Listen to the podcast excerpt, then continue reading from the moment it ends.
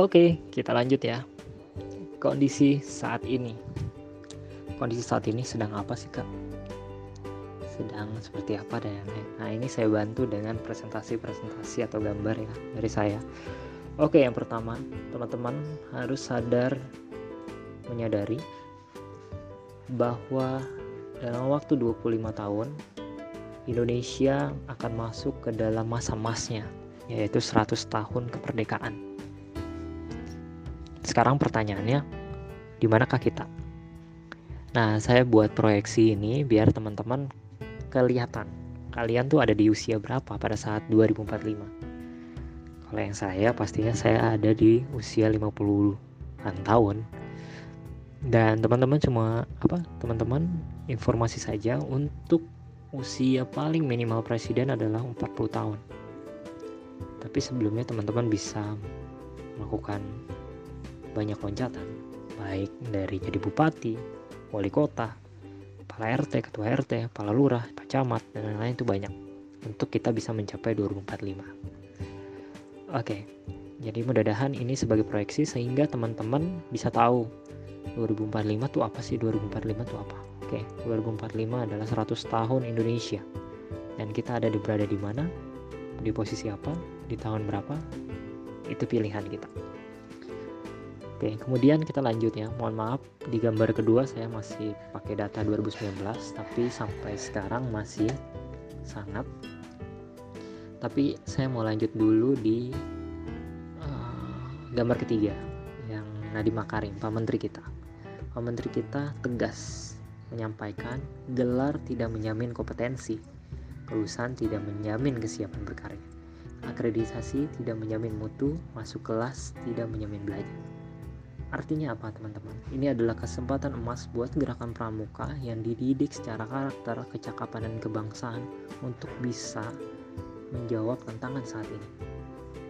Bagaimana bisa menjawabnya tantangan saat ini? Kita harus mengenal dulu saat ini sedang ada di era apa sehingga teman-teman bisa memaksimalkannya paham sekali. Nah, di gambar terakhir ini adalah keterampilan yang yang harus dihadapi, keterampilan hadapi revolusi industri. Jadi artinya dalam menjawab revolusi industri 4.0 saat ini kita harus punya skill-skill ini untuk bisa eksis secara organisasi maupun secara personal. Yang pertama adalah informasi, media, dan teknologi. Ini sangat penting, kenapa? Karena kata kunci revolusi industri 4.0 adalah kecepatan, speed, perubahan yang cepat sekali. Sehingga belajar sekarang tahun depan atau hari besok itu udah beda lagi. Simpelnya adalah coba lihat perkembangan handphone saat ini.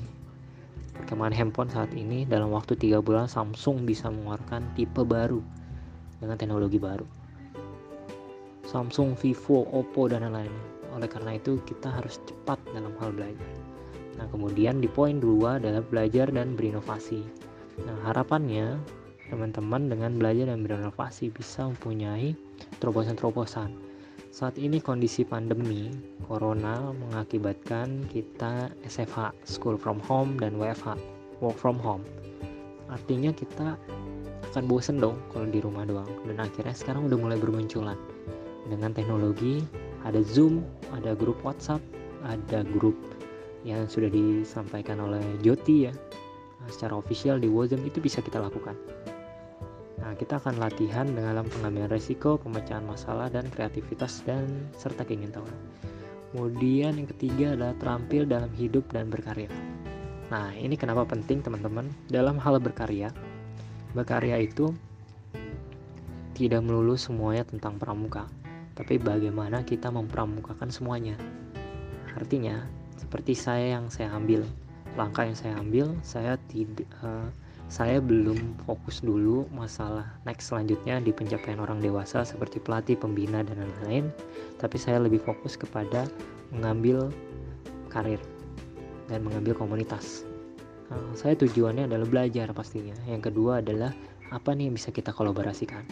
Karena menurut penelitian yang ke depan akan tren adalah kolaborasi dan komunitas dan itu sekarang sedang terjadi. buat teman-teman yang merasa eksklusif yang merasa dirinya pramuka aja itu udah nggak zaman. Sekarang saatnya kolaborasi saatnya berkomunitas. Berkomunitas kayak gimana? Banyak hal. Itu yang saya juga jalankan di kondisi saya sekarang. Kemudian yang terakhir adalah komunikasi yang efektif. Kerja tim dan nah ini kan ada kata kuncinya kolaborasi orientasi nasional dan global juga mengakibatkan kita berpikir lebih inovasi. Kemudian lanjut ke gambar yang tadi ya yang kedua yang tertahan. Nah 12 skill. Nah 12 skill ini sangat penting ya teman-teman. Yang pertama project management. Teman-teman udah bisa latihan di gerakan pramuka. Coding teman-teman yang IT pasti tahu kenapa coding itu penting. Karena semua teknologi yang sekarang berawal dari coding kemudian copywriting. Copywriting ini lebih kepada penulisan artikel dan lain kenapa? Karena sekarang news dalam hal ini media cetak sudah lama-lama menurun dan masuknya ke online news. Kemudian public speaking SEO Google Analytics Facebook Ads Excel Knowledge Web Development dan lain-lain ini penting juga. Nah, kalau yang konteksnya pramuka yang teman-teman bisa berlatih adalah public speaking, copywriting, project management, Photoshop karena untuk desain ya dan lain-lain sebenarnya nggak Photoshop aja sih Canva dan lain juga bisa. Dan sosial media marketing itu secara keilmuan, secara pekerjaan saya ada di beberapa uh, ilmu ini seperti copywriting, SEO, Facebook Ads, sosial media marketing, web dan app uh, sedang berjalan. Mungkin itu dari saya untuk kondisi saat ini, teman-teman.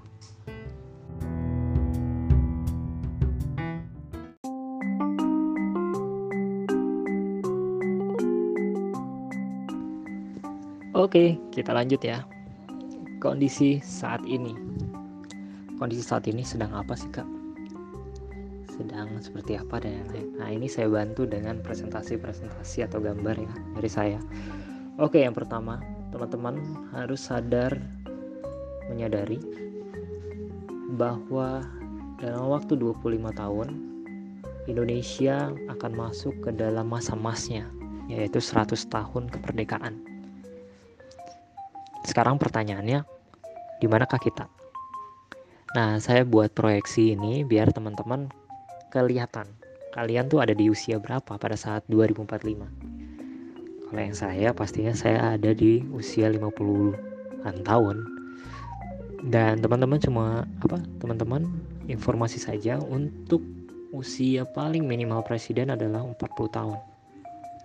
Tapi sebelumnya teman-teman bisa melakukan banyak loncatan baik dari jadi bupati wali kota kepala RT, ketua RT, kepala lurah, pak camat dan lain-lain itu banyak untuk kita bisa mencapai 2045 Oke, jadi mudah-mudahan ini sebagai proyeksi sehingga teman-teman bisa tahu 2045 tuh apa sih 2045 tuh apa. Oke, 2045 adalah 100 tahun Indonesia. Dan kita ada di berada di mana? Di posisi apa? Di tahun berapa? Itu pilihan kita. Oke, kemudian kita lanjut ya. Mohon maaf di gambar kedua saya masih pakai data 2019 tapi sampai sekarang masih sangat. Tapi saya mau lanjut dulu di uh, gambar ketiga yang Nadiem Makarim Pak Menteri kita. Pak Menteri kita tegas menyampaikan gelar tidak menjamin kompetensi kelulusan tidak menjamin kesiapan berkarya akreditasi tidak menjamin mutu masuk kelas tidak menjamin belajar Artinya apa teman-teman? Ini adalah kesempatan emas buat gerakan pramuka yang dididik secara karakter, kecakapan, dan kebangsaan untuk bisa menjawab tantangan saat ini. Bagaimana bisa menjawabnya tantangan saat ini? Kita harus mengenal dulu saat ini sedang ada di era apa sehingga teman-teman bisa memaksimalkannya paham sekali. Nah, di gambar terakhir ini adalah keterampilan yang yang harus dihadapi, keterampilan hadapi revolusi industri. Jadi artinya dalam menjawab revolusi industri 4.0 saat ini kita harus punya skill-skill ini untuk bisa eksis secara organisasi maupun secara personal. Yang pertama adalah informasi, media, dan teknologi. Ini sangat penting, kenapa? Karena kata kunci revolusi industri 4.0 adalah kecepatan, speed, perubahan yang cepat sekali. Sehingga belajar sekarang tahun depan atau hari besok itu udah beda lagi. Simpelnya adalah coba lihat perkembangan handphone saat ini. Perkembangan handphone saat ini dalam waktu tiga bulan Samsung bisa mengeluarkan tipe baru dengan teknologi baru. Samsung, Vivo, Oppo dan lain-lainnya. Oleh karena itu kita harus cepat dalam hal belajar nah kemudian di poin dua adalah belajar dan berinovasi nah harapannya teman-teman dengan belajar dan berinovasi bisa mempunyai terobosan-terobosan saat ini kondisi pandemi Corona mengakibatkan kita SFH, School from Home, dan WFH, Work from Home. Artinya kita akan bosen dong kalau di rumah doang. Dan akhirnya sekarang udah mulai bermunculan. Dengan teknologi, ada Zoom, ada grup WhatsApp, ada grup yang sudah disampaikan oleh Joti ya. Secara official di WhatsApp itu bisa kita lakukan. Nah, kita akan latihan dalam pengambilan resiko, pemecahan masalah, dan kreativitas dan serta keingintahuan. Kemudian yang ketiga adalah terampil dalam hidup dan berkarya. Nah, ini kenapa penting teman-teman dalam hal berkarya. Berkarya itu tidak melulu semuanya tentang pramuka, tapi bagaimana kita mempramukakan semuanya. Artinya, seperti saya yang saya ambil, langkah yang saya ambil, saya tidak uh, saya belum fokus dulu masalah next selanjutnya di pencapaian orang dewasa seperti pelatih, pembina dan lain-lain, tapi saya lebih fokus kepada mengambil karir dan mengambil komunitas. Nah, saya tujuannya adalah belajar pastinya. Yang kedua adalah apa nih yang bisa kita kolaborasikan. Karena menurut penelitian yang ke depan akan tren adalah kolaborasi dan komunitas. Dan itu sekarang sedang terjadi.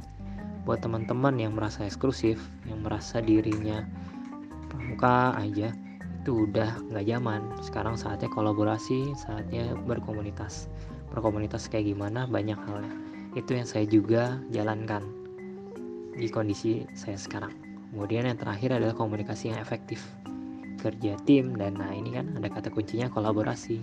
Orientasi nasional dan global juga mengakibatkan kita berpikir lebih inovasi. Nah, kemudian lanjut ke gambar yang tadi ya yang kedua yang tertahan. Nah 12 skill. Nah 12 skill ini sangat penting ya teman-teman. Yang pertama project management, teman-teman udah bisa latihan di gerakan pramuka.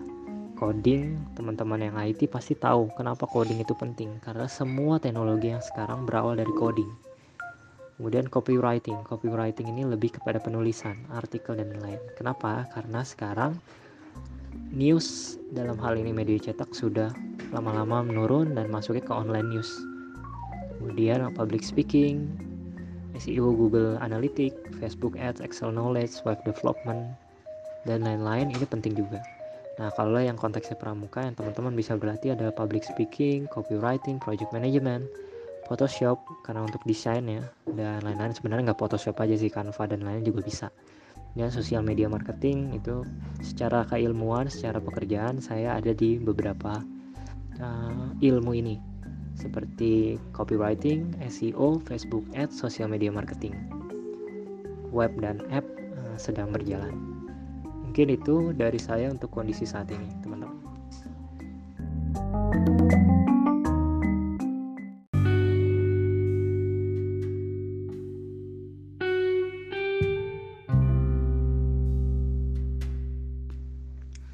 Oke, lanjut ya. Lalu apa nih yang bisa kita lakukan?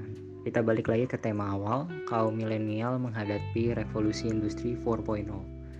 Jadi yang pertama kita ngomongin pramuka agar kita kuat dari sisi pemahaman tentang pramuka. Kemudian kedua adalah kita mengenal revolusi industri itu sendiri. Dan ketiga apa nih yang bisa kita lakukan? Oke, ini ada dua uh, link YouTube yang saya kasih dan satu gambar. Kalau ditanya apa sih yang dilakukan Kayuda, gitu kan? Nah, saya sementara di Gerakan Pramuka, saya pun mengembangkan komunitas di luar. Non politik juga lebih fokus kepada pendidikan, karir, leadership dan lain-lain. Ini namanya Rumah Millennials. Nah, kalau ditanya bagaimana kaum muda, kata kunci di Rumah Millennials atau di komunitas saya adalah tiga: berdaya, berkarya, dan bermakna. Berdaya artinya ya ada di gambar. Aku saat itu ya kita sama-sama merumuskan sumpah milenial seperti sumpah pemuda lah waktu itu dan kita merumuskan apa sih yang bisa kita lakukan dengan kondisi zaman saat ini gitu ya. Nah ini berdaya kita mengembangkan minat, kemudian berkarya menjadi teladan, kemudian yang ketiga bermakna meneruskan perjuangan. Nah ini yang bisa kita lakukan. Kemudian kalau bicara tentang pramuka dengan pengamalan dasa dharma teman-teman kita sudah tahu kita sudah hafal sekali dasar dharma dan trisatya sebenarnya mau apa pun kondisinya implementasi tetap ada cuma caranya saja misalnya ketika kita pengen mensosialisasikan dasar dharma trisatya dengan sebuah video dengan sebuah postingan. Nah itu menyebarkan. Itu artinya adalah pengimplementasian dari sistem Among yaitu Ingarso Sung Tulodo berdiri di depan jadi panutan. Harapannya kita jadi panutan gitu. Nah gimana supaya jadi panutan? Ya kita memberikan sosok-sosok teladan teladan itu supaya teman-teman tahu dan lain-lain gimana caranya kita harus menyampaikan. Nah menyampaikannya dengan gimana? Itulah kita harus sesuaikan dengan revolusi industri 4.0 dengan Instagram, Twitter, TikTok sekarang kemudian uh, LinkedIn kalau teman-teman punya YouTube dan yang lain itu kita sampaikan di situ.